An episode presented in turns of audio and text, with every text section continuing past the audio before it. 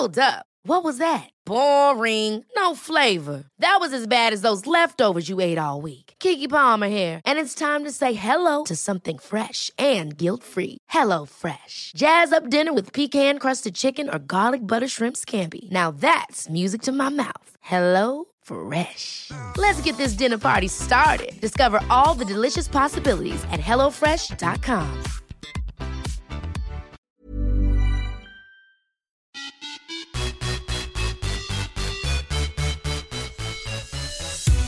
Vi är återigen tillbaka med podden Viss och Svärm on the run med mig Josefin Svärm och Sara Viss.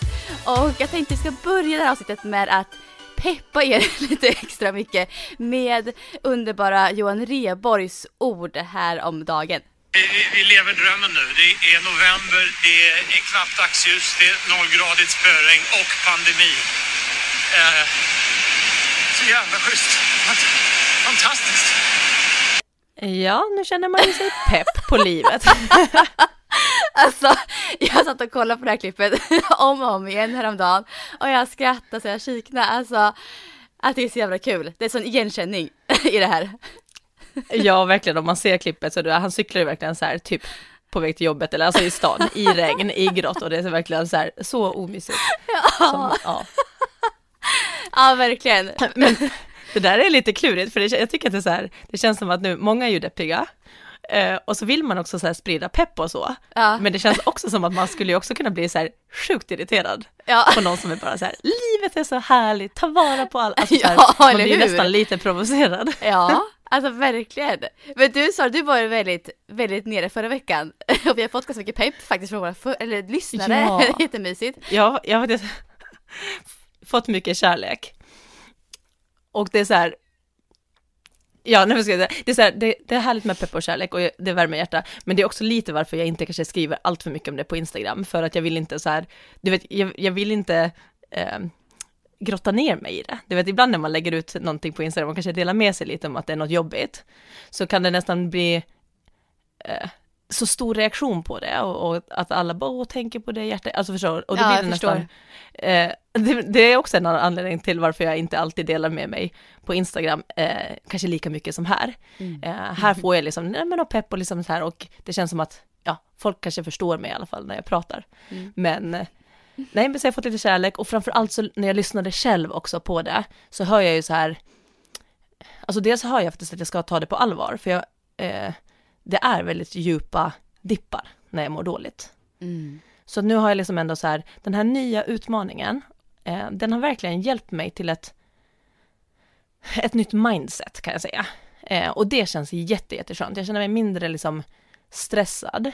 Även om det blev en så här, åh nu ska jag göra en challenge varje dag. Men det blev som att när jag bestämde mig för det, då har jag egentligen bara plockat bort all annan träning. Men, Sen tänk, jag tänker liksom så här att, ehm, jag, men jag gick ju till exempel till utegymmet förra veckan och sånt, och det var ju liksom som en del av det här, och jag tänker att eh, får jag feeling och bara oj, här nu kan jag gå förbi utegymmet, eller oj, nu kan jag göra lite med kettlebellen hemma, då är ju det bara bonus, men det är ingenting jag aktivt försöker planera in. Förstår du skillnaden? mm, absolut. Jag tänker de som inte har hängt med på den här utmaningen som du har gett dig in på, kan du berätta vad det är för någonting? Ja, nu har jag ju landat i, det blev som en mix av Jessica Almenäs tidigare um, challenge. Så jag mixar run streak och yoga streak, så jag gör alltså varannan dag. Så att nu har det liksom 1,6 um, ehm, löpning, minst, och uh, varannan dag 16 minuter yoga, rörlighet eller meditation. Och där är jag ganska fri och jag tycker att alla får vara Alltså, man ska inte stirra på så här regler, vad, behöv, vad måste jag göra, utan det viktigaste är att man hittar någonting som funkar för en själv. Ja. Som till exempel har jag gjort så här, det är därför jag satt in rörlighet också, att det behövs inte, jag måste inte känna att jag gör ett yogapass. Utan det var någon kväll som jag ganska sent kom på att jag inte hade gjort det och jag ville titta på någonting som var på tv. Jag minns inte vad det var. Men det var någonting som jag verkligen såg fram emot, så här, det här vill jag se. Och jag märkte, ska jag göra båda, då kommer jag gå och lägga mig allt för sent. Och då kan jag liksom, okej men då stretchar jag, jag gör rörlighet medan jag tittar på tv. Och det är ju kanske inte ett så här yogapass direkt, men jag stretchade aktivt i eh, till och med 20 minuter och eh, under tiden som jag tittade på eh, programmet. Mm. Och det tyckte jag, det är liksom absolut fine för mig också. För då Mm. har jag ju ändå gjort min rörlighet. Ja, det där tror jag är viktigt att poängtera så här, att det ska passa en själv. Jag tänkte så här, men yoga 16 minuter om dagen, vad ska jag göra för rörelser? Hur ska jag liksom komma vidare? Här räcker det att jag stretchar på mattan och det gör det kanske för vissa människor. Jag till exempel, jag hoppar på den här också, Sara, utmaningen, men just bara stretch, stretch slash yoga-delen.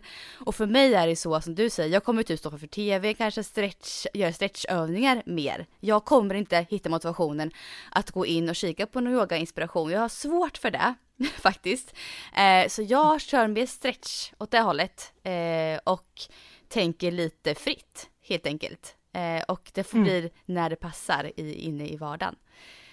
Men jag vet ju, jag tror att många faktiskt vill ge sig in och köra riktig yoga också. Och där tänker jag att det finns väl massa olika ställen att leta inspiration där. Ja, absolut. Och jag tänkte, nu har jag faktiskt så här, min vän och eh, kollega i Lofsangruppen, Lena Ovegård, eh, hon är jätteduktig eh, yoga, lärare, säger man lärare? Yoga, Yogainstruktör lärare, kanske? instruktör, Lärare, jag vet inte, Ja, ja. ja, i alla fall. Och när jag vanligtvis är i studion, då har ju hon kört liksom yoga med oss på jobbet och sånt och jag älskar hennes yoga. Och hon skrev till mig och sa att hon ville peppa mig. Hon hade också lyssnat på poddavsnittet och var lite orolig för mig. Och så, men då sa hon i alla fall att hon ville hjälpa till med att eh, skicka lite yoga-inspiration till mig, i och med att hon inte heller ändå kan köra live nu, så hon saknar ändå liksom lite det här att faktiskt få förbereda en klass åt någon eller sådär. Mm. Eh, och då så sa hon att, eh, att hon gärna eh, skickar mig åtminstone en i veckan som är minst 16 minuter, men också så här inte för lång utan kanske 20, max 25 i och med att det är det jag hinner med. Eh, och skicka sådana pass till mig och då landade vi i att hon skulle faktiskt eh, lägga ut dem också på Instagram så att fler kommer att kunna ta del av dem och kanske, vi funderar också om vi kanske ska köra ett livepass någon gång på Instagram. Så vi får se lite. Ja, Men vad kul. så det kommer vara Ja. jättebra. Man, man kan kika in hennes, eh, Lena Ovegård på Instagram, så Mm. har hon lovat, nu sätter vi press på henne också, nej men då har hon lovat att åtminstone ett pass i veckan och då behöver man inte, för jag sa det till ibland så kan jag ju spendera en kvart med att leta vilket pass jag ska köra. Ja. Och det, då blir det lite dumt, alltså när Mm. jag spenderar lika mycket tid på att bestämma mig. Så då vet jag i alla fall att jag har, kommer att ha minst ett pass i veckan och det passet kan man ju köra flera gånger. Mm. Eh, som jag kommer att köra av Lena. Annars har jag också gillat på YouTube så brukar jag, eh, det finns en tjej, hennes kanal heter Yoga with Adrian. Mm. Eh, och hon har, det är här flera miljoner som följer henne och hon har jättemånga bra korta pass också Ja. för olika syften. Så man kan också eh, söka där på bland hennes pass, typ för löpare eller 16 minuter eller eh, bröstrygg eller så där. Hon har massa olika kategorier. Eh, för det var många som frågade liksom var jag får inspiration. Och då, därifrån kan man då lite snabbare hitta ett pass som, som man behöver inte söka bland allt. Ja, Och sen när det kommer till medita meditation, det har jag någon gång tipsat om förut, men nu har jag inte gjort det så mycket, men om man vill det så gillar jag, det finns två appar, en som heter Calm, alltså C-A-L-M, och en som heter Headspace, och de har jag använt tidigare och tycker att det är superbra om man känner att man vill eh, ta lite meditationstid eh, istället, att det är det man behöver.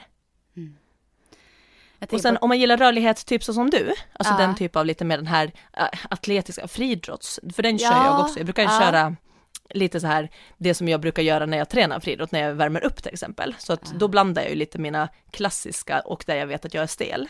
Mm. Men där finns också en friidrottstjej som heter Madeleine Nilsson på Mm. eh, Instagram. Mm. Så hon är eh, en av Sveriges bästa trestegshoppare, Mm. eh, bor utomlands. Men hennes Instagramkonto också, det är så här, hon håller på med elitfriidrott, men hon delar med sig om väldigt mycket sådana stretch, enkla styrkeövningar och lite sån typ av, alltså sånt som alla kan göra. Ja. Och jag vet att hon lägger ut ganska mycket den typ av rörlighet. Eh, Det är exakt det. som- Jag såg hennes senaste inlägg, eller näst senaste kanske var, om just, eh, just stretchen där hon hade. Och det är typ exakt Ja. sådana övningar som jag fokuserar på när jag stretchar. Ja, och sånt gör jag också som vanligtvis om man vill ha lite mer den här, och jag vill öka min rörlighet och kanske inte eh, hela det här avslappningsbiten också som kanske yogan ger. Så det är lite vad man, vad man känner att man har behov av. Ja. Men henne kan man ju absolut kika in om man vill ha lite inspiration på bara vanliga som stretchövningar, dynamisk stretch. Mm, Kan man få lite precis. tips. Men om jag går tillbaka till Lena där, för jag, henne följ, började jag följa för ett tag sedan och hon känns ju så jäkla härlig och ödmjuk fin person. Stämmer den känslan av henne? ja, verkligen. Ja, men var, verkligen, hon är, Hon var väl på gymmet på Lofsdansstudion när du och jag var i Stockholm och fotades Ja. förra året. Ja, det var Vi hon. träffades Just det. Ja. Mm. Ehm, ja, och hon är liksom verkligen superkunnig. Eh, Hon har jobb- jobbat både med alltså, träning och yoga i jättemånga år. mm. Eh, och hon var förra året, eller om det var till och med året innan det, då var hon liksom utomlands på en sån här lång, alltså en sån här yogautbildning, du vet, där man verkligen själv eh, går in i det. Du vet, helt att de, jag, jag undrar om det var Sri Lanka eller var hon var. Eh, och du vet att vara där och du verkligen, verkligen levde Ja, och levde yoga. Hon var ju yogainstruktör, liksom, hon höll ju yoga innan det också. ja. Men då var det som att jag kommer ihåg när hon kom tillbaka och kom till jobbet. Och det kändes som att hon hade så här en annan aura runt sig. och framförallt så märkte jag hur, hur jag var uppspid. Alltså du vet att jag kände mig så här, jag kände mig som en, du vet den här fågeln i ehm, jul, Ja. i den här julen, där Hon var kolugn eller?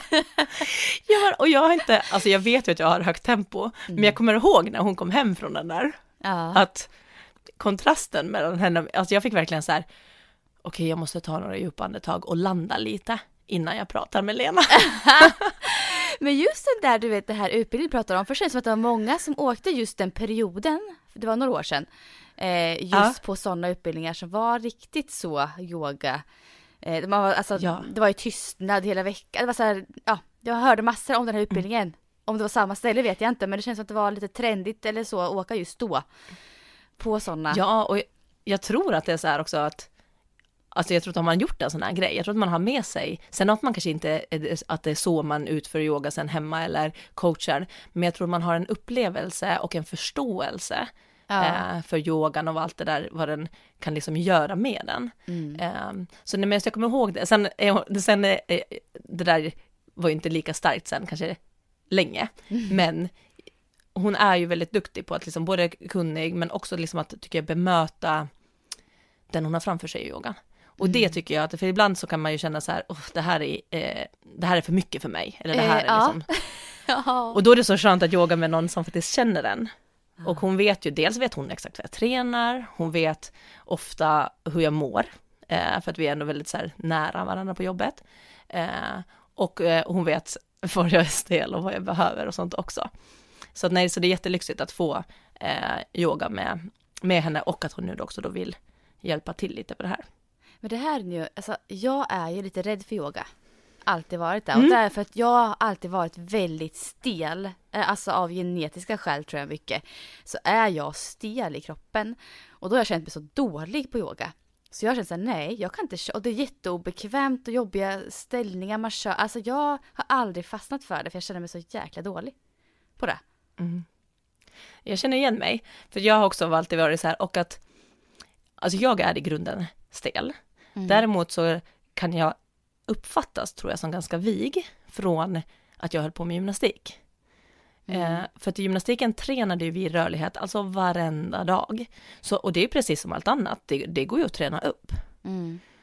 Och då är det som att vissa rörelser och övningar, typ som så här spagat eh, och alltså, men vissa, det, det liksom sitter kvar. Så jag kanske inte kan gå, kan gå ner helt i spagat, men ändå inte, alltså det är inte långt ifrån. Mm. Och jag skulle kunna träna mig tillbaks till den på några veckor. Men det är ju någonting tror jag för att jag har tränat det så himla himla mycket så det sitter kvar. Så tar man sen så här mina höfter, typ när jag ska korsa ben, du vet när man sätter, sätter sig med, med benen i kors. Ja. Eh, så att åt ena, jag sätter alltid samma ben över. För det andra, då måste jag typ hjälpa till med händerna för att komma över knä, för att jag är så stel på utsida höfter. Mm. Och samma så här bröstrygg, axlar, alltså jag är så stel, så stel, där är några stelare än de flesta jag känner. Ja. Och då blir det liksom så här så att jag är, och det tror jag att liksom mina systrar också, alla vi är väldigt stela, men vi har kunnat träna upp det.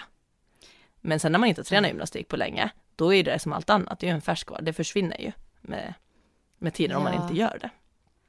Ja, men det gör ju det. Men så var jag, jag var ju, hade så här en yoga-retreat slash löpresa på Mallorca med en, med en yogainstruktör från Danmark som var alltså erkänt duktig var hon verkligen. Eh, och jag var med på hennes klasser då, när vi höll det här. Och hon sa till mig liksom till och med att du behöver gå och få söka hjälp hos någon, någon annan för att jag var så, alltså hon har aldrig sett någon så stel människa på vänster, viss vinkel på vänster ben i höften, alltså att jag var så stel så hon har aldrig sett det förut.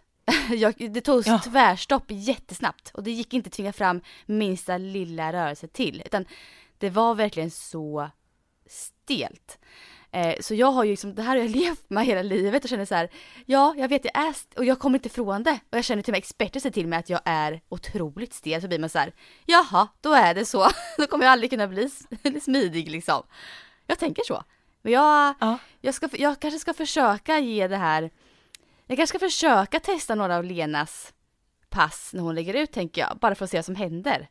Och jag vet ju att man kan anpassa efter sig själv. Jag har ju, det, det säger de till en liksom. Anpassa efter din egen nivå. Är du stel, gå inte hela vägen. Jag fattar det liksom. Men det tar ändå emot för mig. Ja. Nej men jag håller med.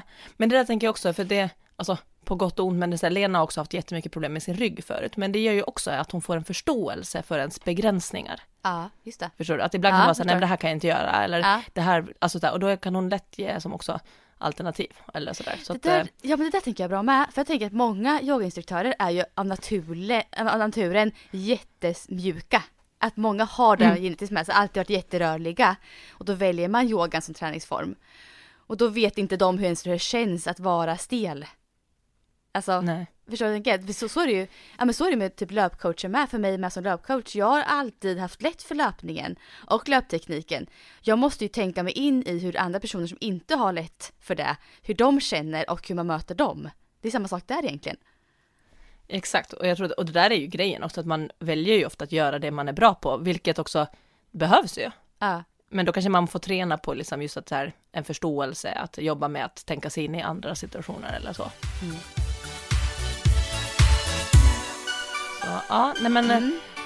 det känns jätteskönt att vara igång och jag gjorde en sån här frågeställning typ på story också så här, eh, om det är fler som hakar på. Och Josefin, vi är, är över 200. va? Ja, Är det sant? över 200 personer nu som ska få köra året ut. Vad roligt! Alltså, Så- gud vad och kul! tyck- Ja, och jag tycker att det, det också, bara för att man vet ja, att eh, det är andra som gör det också, då blir det lite så här, då måste jag göra det. Ja. Och det känns roligare för man känner på något sätt av en gemenskap Mm. ändå. Och jag började faktiskt efter vår förra podd. ja, direkt där Så jag har alltså. kört, japp. För jag, då var jag fortfarande så här väldigt trött och så, men jag tänkte jag börjar med yoga. Ja, Eh, och så yogade jag den dagen. Och sen så skulle jag, du vet så här, hämta upp bilen som hade varit på service och eh, bytt däck. Och det var så här, men du, det är bara typ 2,8 dit. Då transportsprang jag ju med mm. vagnen. Eh, och så fick jag in den och, så, och då har det blivit det också mitt mindset att det här, det är det som är så skönt, att istället för att tänka så här, ska jag träna idag? Så är det ju nu, när ska jag få in det idag? Mm. Och i och med att det inte är samma sak varje dag, så blir jag nästan också så här, åh, idag ska jag yoga, åh, idag ska jag springa. Alltså förstår du, att det blir liksom, jag känner att jag tröttnar inte, för att det är ganska lite, och det är, nej men, enkelt och varierande. Och min kropp behöver det också, för jag tror att hade jag sprungit eller yogat varje dag, då brukar jag oftast eh, nästan få ont, även om det är lite. För att kropp, det blir en sån, det blir ändå en total ökning, ganska mycket, om man mitt i allt gör det varje dag. Ja. Så, nej, men så då blev det som att jag transportsprang flera gånger under förra, förra veckan och eh, jag yogade. Och det var också så härligt för det var förra, jag tror det var på lördagen, eh, så var vi iväg hela dagen. Vi var, ja det nämnde jag inte förra podden, men lite det här med att jag sa att Rasmus har varit hemma en del från förskolan. Ja. Eh, han har, han vaknade upp för två helger sedan och hade jätteont i benet och har inte kunnat gå. Nej. Alltså det var ju väldigt obehagligt. Så vi har spenderat faktiskt de två senaste helgerna på, eh, på akuten. Och nu i lördags var vi på Astrid Lindgrens Men barnakuten. vet du vad det är då? Vad det beror på? Ja, nu vet vi vad det är. Ehm, eh, men det var väldigt när man läste på så fanns det så mycket, alltså symptomerna kunde också vara någonting som var mycket värre. Mm. Eh, så att man, det var glad, jag var glad att det var det som ändå var det bästa av alternativen. Mm. Eh, och det heter höftsnuva. Har du hört om det? Jaha, man kan få det om man har någon slags infektion eller någon slags... Ja, men jag har hört Ja, det. kan- Alltså man kan ja, få det det av kan man är sjuk efter. liksom. Ja. Exakt, det brukar oftast komma efter man är sjuk och det är vanligare bland pojkar och vanligast typ åldern 2 till 12 eller någonting. Och Ja. det är alltså att det sätter sig som en inflammation, alltså vätska i höften. Mm. Vilket gör att det gör jätteont i hela benet. Men det är så obehagligt nu när han vaknade och bara gret och gret och jag trodde att han hade så här växtverk först. Men så Mm. blev det bara värre under dagen och han verkligen bara låg i soffan och vi fick inte ens han att sitta först Nej. Och sådär. Så det här har också varit en del av hela det här kaoset de senaste veckorna. Men då var vi på eh, Astrid Lindgrens, jag var med han där inne, eh, för att Lasse hade lite ont i halsen så han fick inte gå in. Nej. Så det var så här, vi fick åka dit hela familjen, för jag måste också Ah. vara tillgänglig för amning. Ja, ja just det. Så vi var tror jag på, inne på sjukhuset från typ ja, men 12 till halv fem kanske, fyra? Mm. 12 till fyra kanske? Gud, ja. var vi. Men då fick vi nu, i och med att det var tredje gången vi var in, så nu gjorde de röntgen, ultraljud och alltihopa. Det var då de såg det, att det var vätska i höften och då, och det var så här skönt, för då vet man, okej, nu vet vi vad det är. Han Mm. fick liksom medicin för det och då tar vi bort ganska mycket oro, för det, Ah. det var så här, symptomen stämde typ också på leukemi. Alltså jag, du vet, om, hur ens gud, huvud börjar vara så här, man, åh, ja. ja. Så det var så här jätteskönt. Men det jag skulle komma till då var att efter en sån dag, när vi hade varit liksom på sjukhuset hela dagen, sen kommer vi hem, klockan var typ sex när vi kom hem, det regnade, det var mörkt och då slog det mig så här, ja, idag ska jag ju springa, sa jag typ lite så här ironiskt. Och så tänkte jag så här, äh, egentligen kan jag ju skippa i det för att egentligen börjar ju utmaningen först när podden släpps. och så nattade jag Rasmus och sen bara, nej vet du vad, ja, jag ska göra det. Och då så här liksom halv sju, bara snabbt dra på sig, alltså jag tog vet du bara några skitiga tights som låg framme, bara, Mm. bara det snabbaste jag fick på. Eh, pannlampa på och ut i regnet och jag var ju tillbaka alltså 10-11 minuter senare. Ja. Och när jag kom in då, alltså jag- var så nöjd, jag var så glad och jag bara, alltså jag, det kändes så, så, så bra. Mm. Både att komma ut och få frisk luft, röra på mig den dagen, men också det där med att du vet att man någonstans har bestämt sig och att då gör Ah. man det. Ah. Så jag kom Jag in och sen bara, då blev det också så här, åh, nu ska jag ta ansiktsmask och det hade jag tror inte ens gjort annars. Jag bara, nu är jag till dusch, ansiktsmask, lite choklad och lite vin och jag bara, åh, gud vad härligt. Gud vad härligt. Alltså det är de Så det var som att här... den skapade Ah. mera.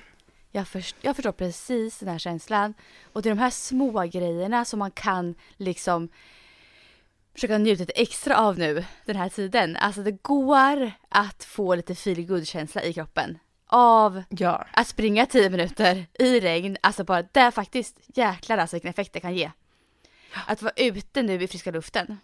Korta stunder, bara man kommer ut. Alltså det gör ju så att man mår så jäkla bra. Mycket bättre än vad man skulle gjort om man inte hade gjort det.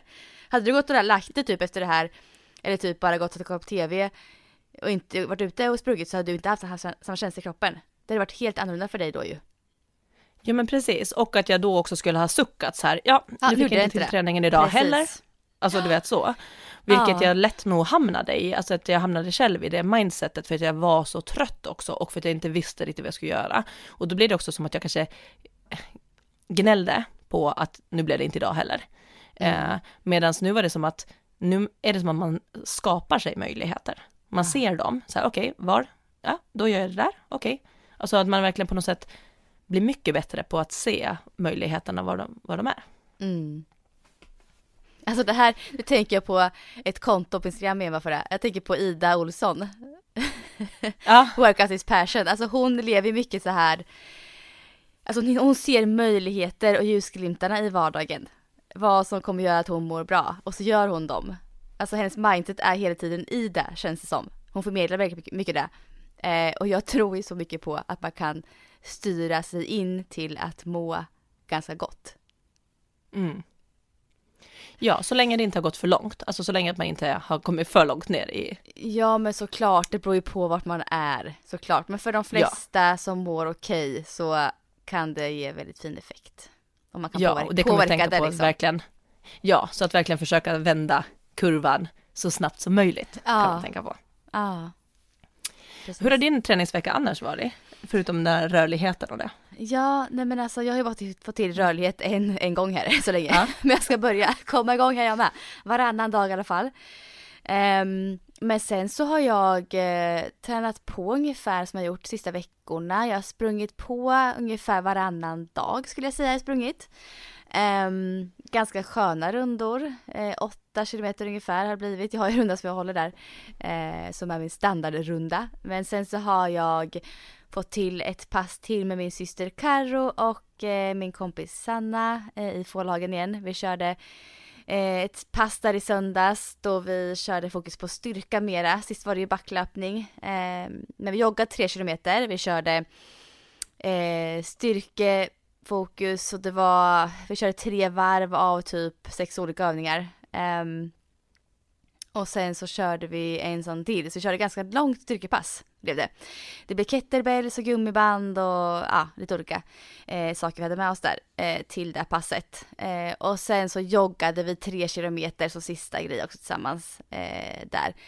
Så att det blev ett riktigt bra kvalitetspass Eh, just när det gäller styrkan. Och det här känner jag att jag själv inte får till om jag ska köra själv.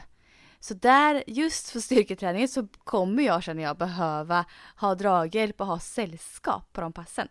Eh, så där, varje söndag ska vi träffas nu och köra styrka i Fålhagen och kanske lägga till ett pass till i veckan. Eh, vi får se om vi får till det. Eh, så min vecka har varit ganska bra. Um, jag har inte pressat mig för mycket träningsmässigt och det gör inte jag just nu för jag har inte den motivationen riktigt. Jag kör på en så lagom skön nivå. Alltså träning som ger mig energi, den tar inte energi egentligen alls. Den ger mig bara energi just nu. Um, och det känns väldigt skönt. Men visst är det skönt att landa i det? Jag tycker, ja. jag tror att många kanske ska våga göra det att så här, ja, eh, bara liksom just där, träna för hälsa, även om man kanske brukar träna för prestation. Känner man mm. att man har motivationen att köra på, då ska man självklart göra det. Men börjar det mm. kännas som att, att mycket övriga saker känns, allt, att det börjar kännas jobbigt runt omkring, man är konstant trött, man är, alltså det här deppiga. Mm. Då kanske bara säga, nej men vet du vad, nu är allting som det är. Eh, och det kanske är okej. Okay.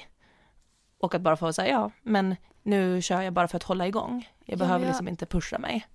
Ja, jag tror det är skönt att landa i det och inte känna att nej, attas nu fick jag inte till det här kvalitetspasset som jag borde fått till.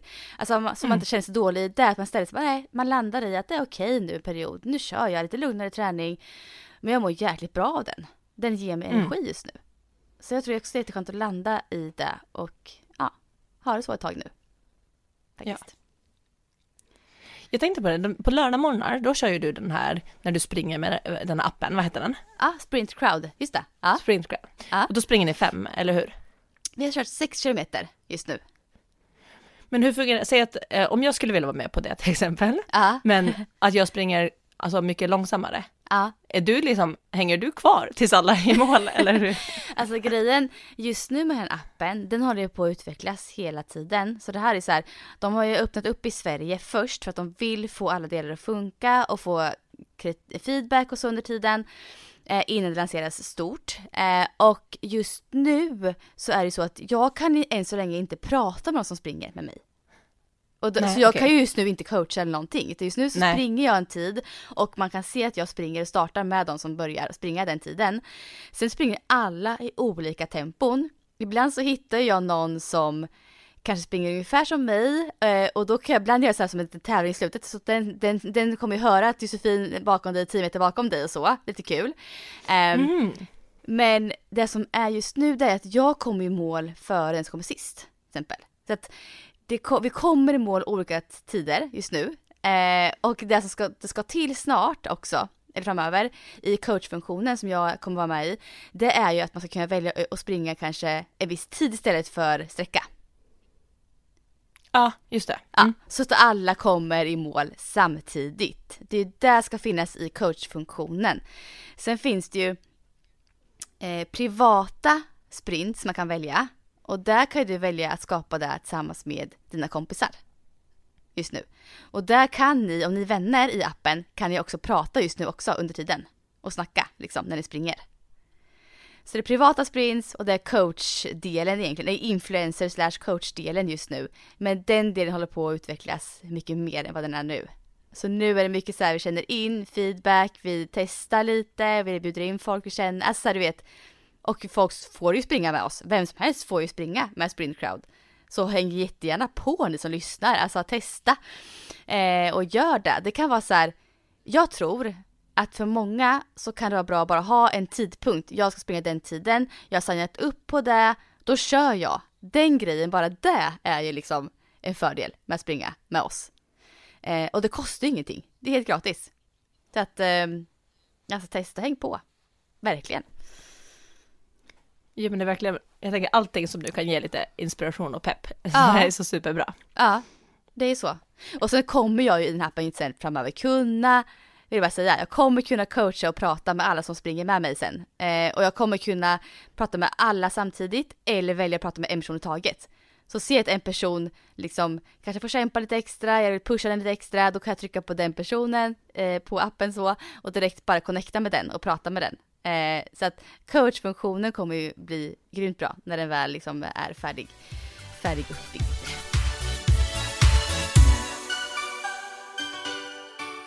Och jag tänkte på tal om inspiration, så är ju det lite vad vi faktiskt hade tänkt eh, prata om idag. Vi tänkte prata om inspiration slash att härma, vad som är skillnaden. Ska jag börja där Sara lite? För jag fick ju ett meddelande Ja. eh, från en av mina följare på Instagram. Alltså en jättefin tjej som jag har skrivit med tidigare. Eh, och hon skrev till mig ett meddelande om att hon har skadat sig och haft skador nu under en längre tid. Eh, och den har uppkommit vad hon tror efter att hon har ändrat sin löpstil efter att ha tagit efter hur jag springer och tagit inspiration från mig. Ehm, och vad jag förstod så har hon nu börjat springa på framfoten under sina runder och försöker ha ett spänstigare steg som hon ser att jag har när jag springer på mina videos. Eh, och jag blir ju så här ledsen, väldigt ledsen av att höra det här såklart. Eh, och lider verkligen med den här tjejen. Men jag känner inte riktigt att vi pratar om det här i podden eh, för jag tror att det kan bli så himla fel när man försöker härma någon annan. Och jag kan ju på mitt Instagram och här i podden, vi kan ju ge generella råd och tips och inspirera till övningar som utvecklar en i löpningen, olika pass som utvecklar en i löpningen. Men man kan ju inte säga exakt hur en person ska träna. Det är ju så individuellt. Där tänker jag att vi har så mycket olika förutsättningar. Vi har olika tidigare träningserfarenheter eh, och mål. Vi har olika genetiska förutsättningar. Så man kan inte kopiera varandra rakt av. Eh, och jag till exempel, jag har ju nästan 30 års löpning bakom mig. Jag började när jag var sju år springa och jag är 35 idag. Jag har en friidrottsbakgrund eh, som innebar jättemycket löpteknik, styrka, spänst. Eh, och det har gett mig mina förutsättningar att springa som jag gör. Jag kan trycka på intervallerna, springa spänstigt, sprinta på rätt rejält. Det klarar min kropp av. Och jag klarar också av att springa ganska långa pass. Med den här träningsbakgrunden som jag har. Och sen vill jag säga också att hur man springer, att jag springer på framfoten på mina liksom videos, det beror på att jag där springer snabbt tempo, alltså intervalltempo. Jag nästan sprintar, börjar nästan lite sprinklikt ibland på vissa eh, videos jag lägger upp. Och så ser ju inte jag ut när jag springer distanspass. Då landar jag på mellanfoten, till och med, jag skrev på Instagram igår ett inlägg, så landar jag kanske lite häl mellanfot när jag springer mina längsta långpass på slutet. När jag är som tröttast, då faller jag ihop som precis som alla andra när man är trött. Även elitlöpare vill jag säga. Faktiskt, vissa elitlöpare under ett maraton så hamnar de faktiskt lite hällandning på sista delen för de är så trötta. Ehm, jag vill verkligen poängtera att jag förespråkar inte att man ska springa sina rundor på framfoten. Jag vet att många löpcoacher säger det, att man ska göra det. Eh, men det, det, det viktiga i löpningen, som jag vill få fram egentligen, det är att man ska landa liksom under kroppen. Sen så, land, så ser vi alla olika ut. Vissa kommer ha naturligt en nästan framfots, ja, mellanfotslöpning. Och vissa har faktiskt alltså hällöp- hälisättning. Vilket ibland inte heller behöver vara fel. Alltså ingenting är rätt eller fel. Vi är byggda olika. Och vi har olika bakgrund som sagt som jag sa tidigare. Och jag tror att det, det är så svårt att hamna i det här då att du ska springa på ett visst sätt och gör som jag. Alltså det, gör inte som jag helt och hållet. Men ta efter inspiration, man kan ta efter övningar som stärker upp kroppen. Men just att hamna i att man ska efterlikna någon annan person för mycket. Det finns en fara i det. Nu har det en jättestor utläggning här kände jag. Men jag, bara så här, jag vill bara att man förstår det. Mm. Att vi inspirerar ju, vi kan visa, vi kan hänvisa, vi kan liksom. Men man måste ändå landa och tänka, vart är jag just nu? Vad tänker du Sara? Min utläggning.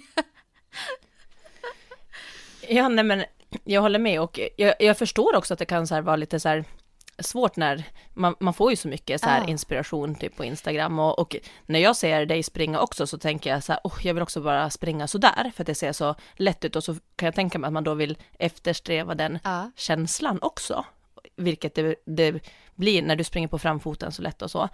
Sen, sen vet inte jag med dig, men i alla fall alltid när jag både filmar och fotar löpning så har jag till och med ett litet tillagt, alltså det är inte helt mm. hundra så som jag springer ändå, för att det oftast gör sig bättre mm. på, framförallt på foto ibland när, jag har, när vi har fotat eh, för tidningar eller någonting, då har det varit att vi nästan har markerat ut där jag gör ett litet hopp för att bilden blir bättre. Det är lättare att tajma mm. den, det blir lite mer mm. kraftfullt, det blir alltså så här.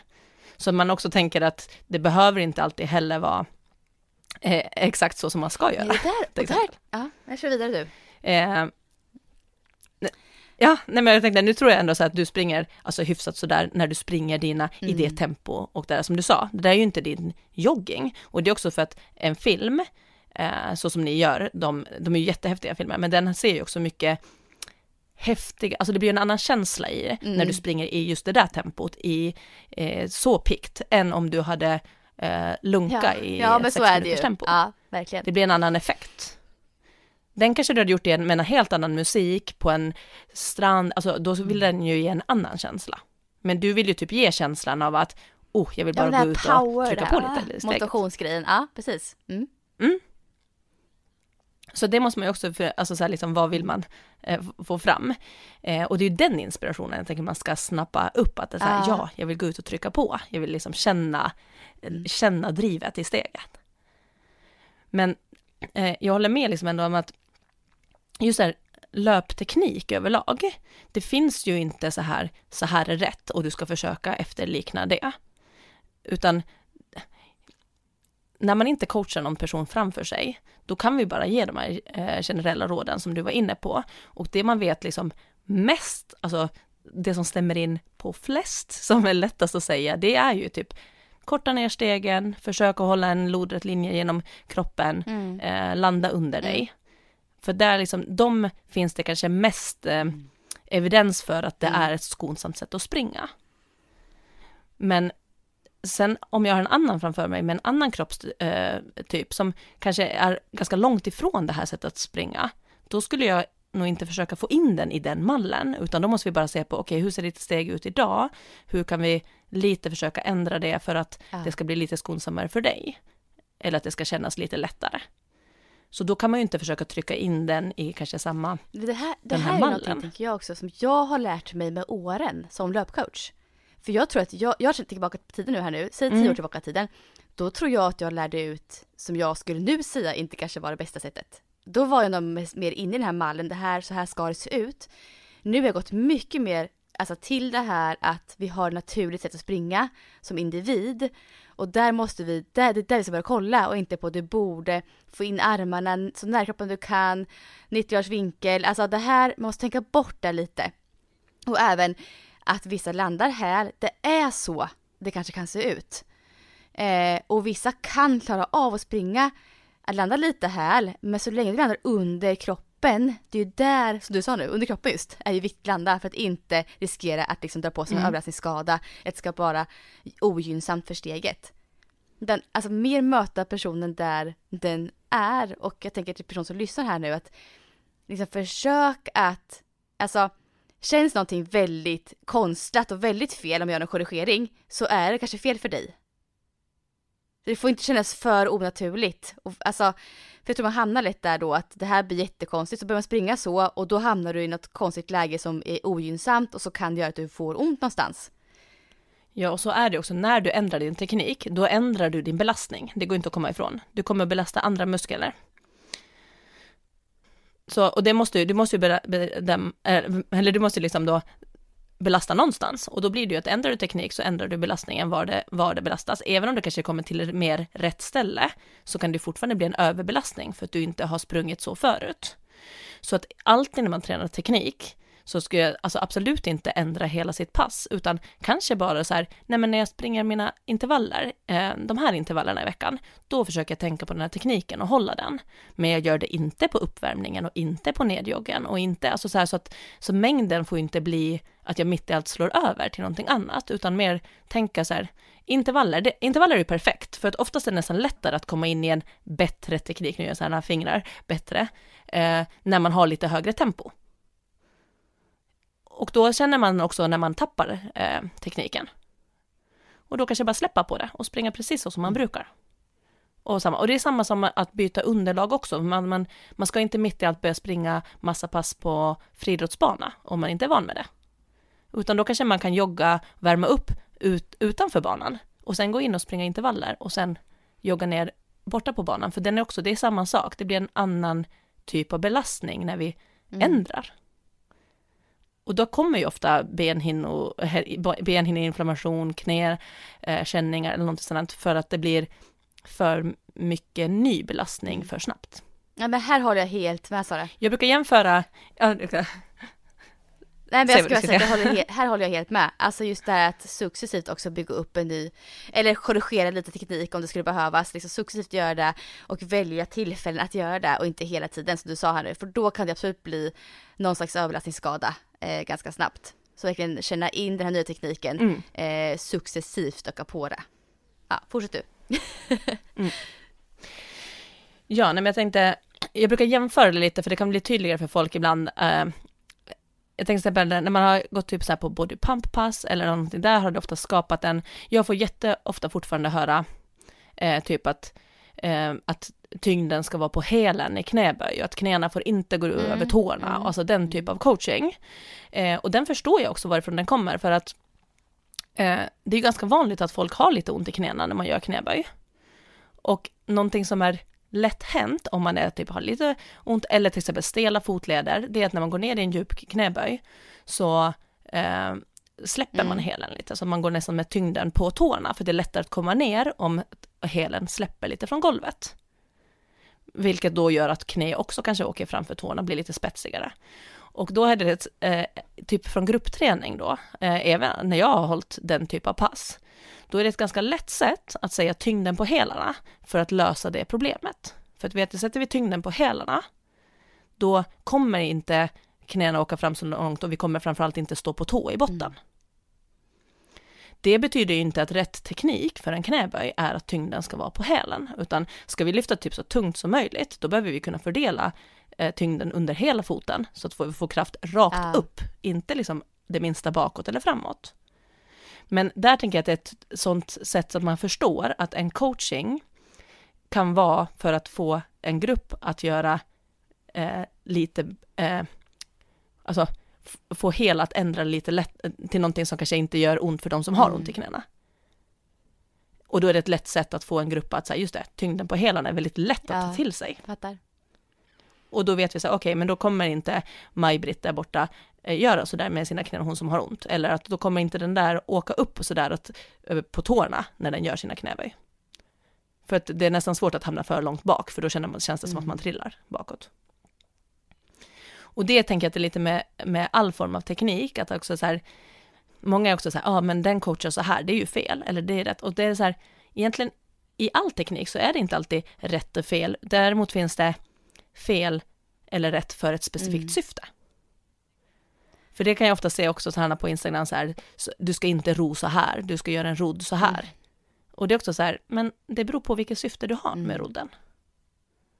Så att det, någonting som kan se jättefel ut för någon i ens ögon, det behöver ju inte vara det om det finns ett syfte till det. Så därför tror jag att man inte ska haka upp sig för mycket på så här hur andra gör eller du vet eh, hur någon springer, hur någon tränar. För att du vet så lite om tanken bakom. Det är ju i så fall om du frågar den personen, så här, varför gör du så här? Eller varför mm. gör du så? Alltså så.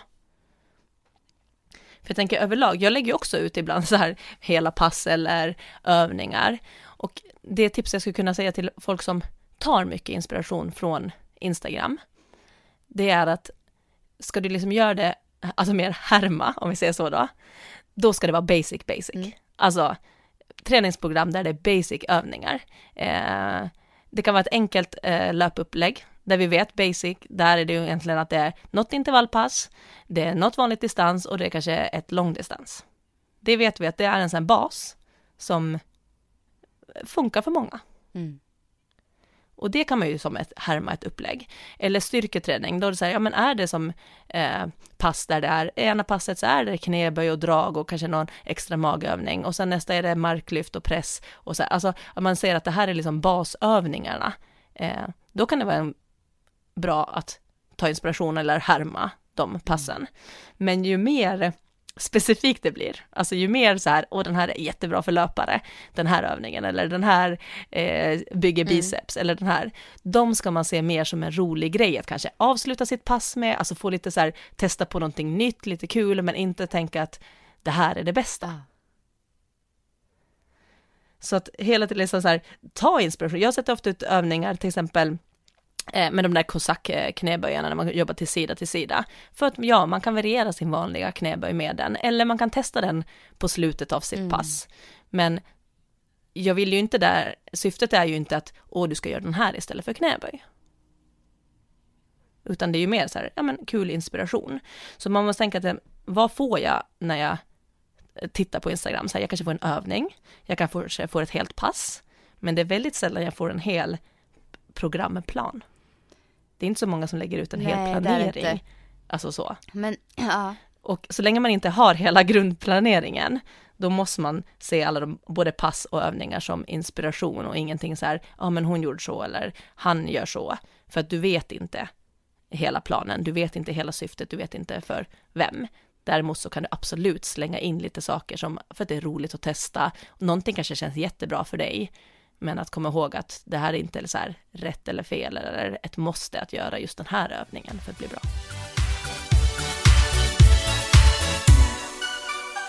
ibland så känner man som, som, som eh, inspiratör eller så att man har något ansvar någonstans och tänker så här, är jag för otydlig tänker jag ibland i det jag förmedlar eller får det vara så?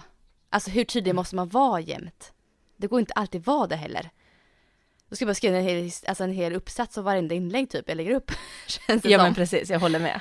det är svårt. Jag håller med. Och Mm. där är det också så här, det där har jag tyckt att vara till exempel när man ska dela med sig om så här eh, efter graviditet, för där blir det ju ännu mera individanpassat. Ja, ja verkligen. Och där, Mm. där har jag faktiskt var, försökt vara ganska tydlig när jag skriver så här, det här funkar för mig, ta inspiration, Mm. att jag verkligen har känt att det måste jag skriva ut där. För att det inte ska bli så här att Mm. någon härmar min progression. Och mitt i allt så försöker de också göra en massa ringar. Alltså förstår du? Det blir som, Mm. det, det blir Ja. jättekonstigt. Eh, konstigt. så det är farligt att, att härma rakt av. Eh, framförallt om man missar liksom eh, syftet eller helheten eller sådär. Men jag kan tycka att det är bra att härma vissa stunder. Till exempel, springer min intervall, nu jäklar ska jag se ut som Josefin i den här intervallen. Mm. Och jag kan använda det som Mm, coachen mm. också, så här, tänk dig atletisk, tänk dig så här, att du springer som Ja, den. precis. För att det, det är jättebra att få en känsla av hur det ska se ut eller hur det ska göras. Men man får Mm. inte det som sagt göra så hela tiden. Men det där är bra, för det var någon som skrev igår efter jag skrev ett inlägg om det här lite grann som vi pratar om nu. Eh, att, eh, eller flera stycken skrev så att de har tänkt på mig när de har sprungit intervaller. Att nu drar jag på, nu ska jag se ut som Mm. Josefin. Alltså, då har de ändå fattat rätt. För det är det som är syftet. Alltså, att få, att få in den känslan i kroppen, spänstiga, nu ska jag se spänstig ut, stark ut, power, den grejen i min intervall just här och nu. Då kan vi ta med sig det, absolut. Och det där tror jag att det, det finns en, när man kan visualisera eh, en rörelse och få en känsla i kroppen. Det, det är inte så lätt för alla, Ja. men det är ju superbra att kunna. Kan jag se på din film Ja. och känna hur det känns, då är det som att nästan min hjärna Ja. redan börjar hitta in i den tekniken och rörelsen. Jag vet att eh, Mm. när jag var yngre och tränade i fri, tränade friidrott och tävlade i många grenar, som man ofta gör när man är yngre, då kommer jag ihåg att jag gjorde det där inför mitt personrekord i höjdhopp. Då var det som att jag såg Kajsa Bergqvist, hur hon hoppar. Och hur hon liksom böjer bak i den där bryggan i luften och hur hon liksom, du vet, hennes känsla i det där lyftet. Och jag kommer ihåg att du vet att man får nästan ett så här skutt i magen innan, för att jag kände känslan innan jag hoppade. Jag kände hur jag flög och hur jag kom in i så här superfin teknik. Sen såg inte mitt, mitt hopp ut som Kajsa Bergqvist. Det är alltså verkligen alltså, tekniskt eller liksom, men du vet att min kropp på något sätt kände så här, just det, det är så här jag ska göra, det är där jag behöver få powern och det är där jag ska böja ryggen. Och då Mm. tror jag absolut att det hjälpte mig att ta just det hoppet för att jag har Mm. härmat någon i hur det ska göras. Så jag tror absolut att det är en jättebra grej att jobba med, men man får inte Mm. tänka att nu gör jag så hela tiden. Man kan aldrig vara Nej, någon annan. Och sen är det klart. Nej, och sen är det klart för att förtydliga också för det som jag typ sa förut att man inte kan ändra sin löpteknik, man inte ska det. För det, alltså det är ju också, man, man kan alltid utvecklas som löpare och man ska ta sig an och försöka göra det tycker jag också om man vill bli på ett mer, eh, vad ska man säga, ska, eh, förhindras att bli skadad, vad säger man?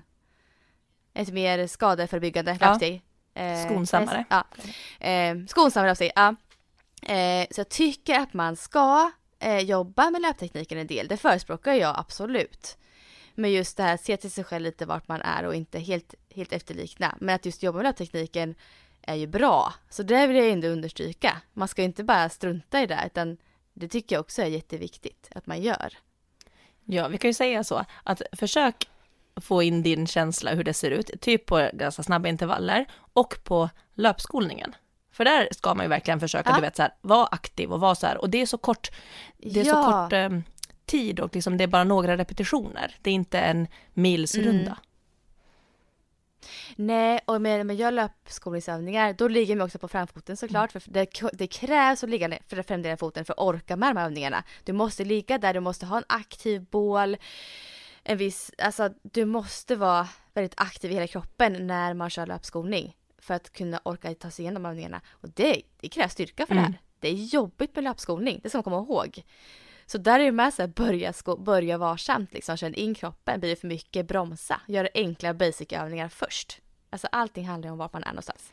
Ja, och jag tycker det är också så intressant som man kan tänka på att eh, det är ju inte den som har då så här finast teknik som alltid är snabbast. Det är inte den som har bäst syreupptagningsförmåga Ah, som är snabbast, utan det handlar, vi vill ju jobba på alla de här delarna, men vi kan ju inte se svart på vitt vem som kommer vinna typ ett lopp om folk är hyfsat, eh, hyfsat jämna, även om någon har klart finast löpsteg. Det är sällan den som vinner alltid.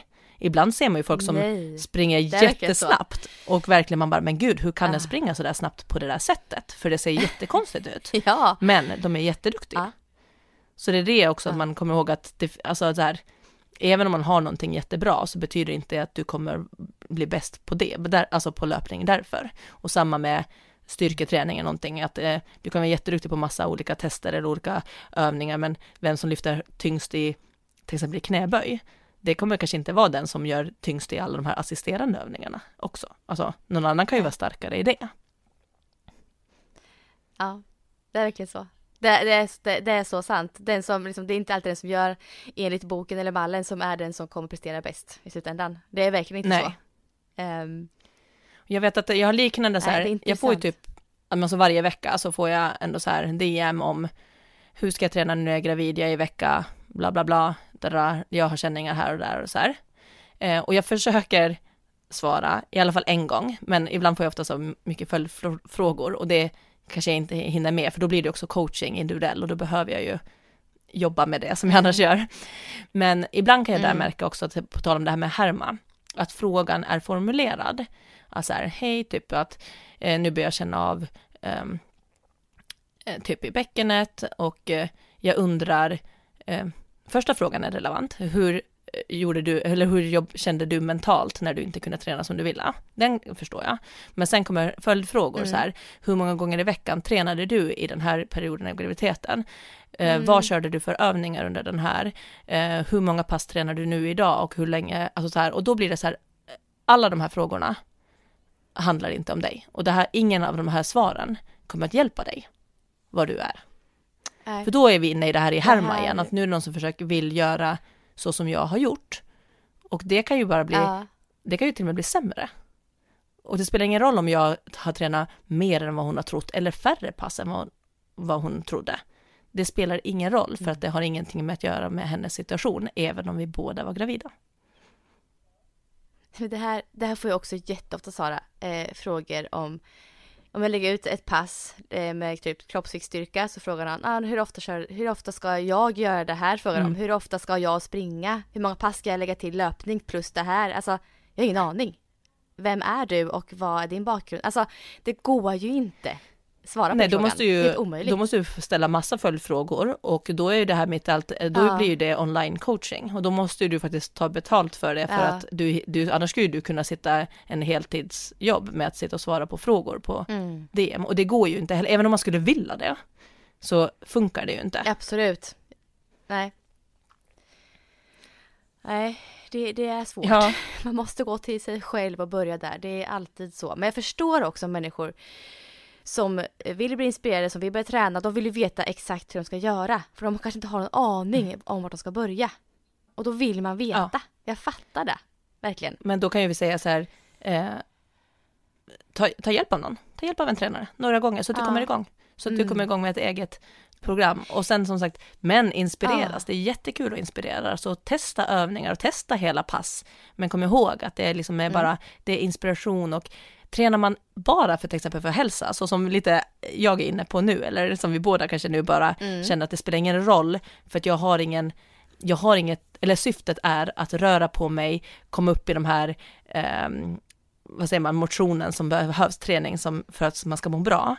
Då kan man ju Ja. egentligen så här hoppa runt lite, oj jag kör det här passet på fredag, eller oh det här passet är så roligt, det gör jag. Då är det ju superbra. Mm. Men har du liksom så här, nej men jag ska springa Göteborgsvarvet eller jag ska göra det här, då behöver ju du eh, ha mer koll på vad du gör och inte på vad andra gör. Mm. Ja, det, det vart en ganska lång utläggning från oss här nu Sara, Ja. angående det här ämnet. Men det tyckte jag var viktigt att prata om. Ja, och jag tror att faktiskt folk kan känna igen, jag kan känna igen mig i det här. Alltså jag kan ju ibland bli så Jag här, också. Oh shit, hon gör den där övningen, mm, den kanske man borde göra. Ja, Eller någon, någon bara så här, oj, hon ser ut att äta så himla fräsch mat hela tiden. Och jag kanske också borde äta sån mat. Och det är bara så här, vänta, ska jag det? Jag sover dåligt, ammar, jag, jag kanske inte ska äta så som hon äter. Men alltså man blir ju lätt där Nej, för att man kanske själv vill eh, känna en förändring eller bli bättre eller man strävar väl alltid efter någon form av utveckling på något plan, tänker jag. ja. Och då är det ju lätt att Och haka så- på. Men Ja. gör det, men då, alltså, då ska du ju ändå veta eh, syftet med det. Jag tror att vi har varit inne på det här flera gånger, det känns som att jag har sagt, Ja, sagt det. men, ja, ja, jo men det har vi ju, men som sagt man ska ju låta sig också ta sig an. Jag blir på riktigt inspirerad och tar mig an vissa övningar som jag ser som är jättebra för mig. Så att ibland kan du ju träffa helt rätt Ja. också. Det får man komma ihåg. Och det är också, ju mer man vet om träning, ju mer man kan och förstår sitt eget syfte, ju mer kan man ju plocka Ja. inspiration också. För man, då förstår man ju också Mm, syftet med så är övningar. ju. Då är det inte bara en benövning, utan då kan man ju faktiskt, aha, mm, oj, den där aktiverar ju faktiskt det här också, eller det här gör, alltså så. Så ju mer man kan om sin Mm. egen träning, ju mer inspiration tror jag att man kan hitta också, som hjälper den.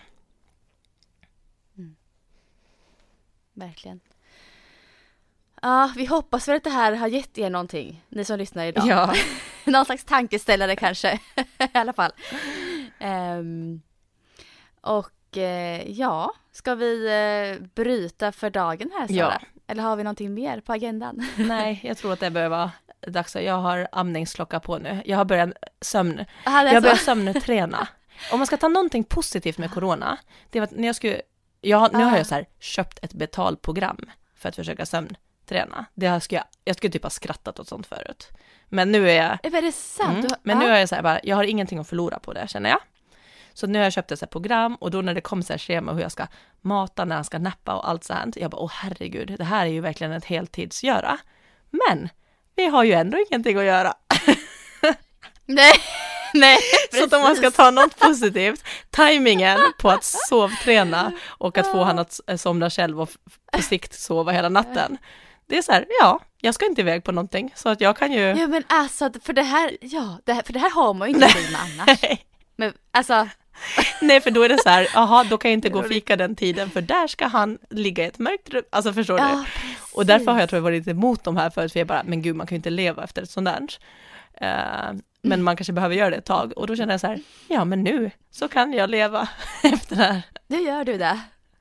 Så nu ska jag in och amma och eh, hålla han vaken några timmar. Ja, vi började det här, det här avsnittet med en klagande Johan Rheborg eh, och avslutade med skratt i alla Ja, fall. Väl och härligt? lite positivt vad corona ger mig. Det ger mig möjlighet precis. att ruta in mitt liv efter en fyra månaders bebis. Ja. Gud, det här får jag uppföljning på hur det går för dig. Ja, vi får göra det. Så kan jag se Ja, om jag kan ja. tipsa om det eller inte. Ja, har det så bra, gå iväg och amma nu Marie. Ja, ha det så Så bra. hörs vi nästa vecka. Hej då allihopa. Hej då. Ha det bra.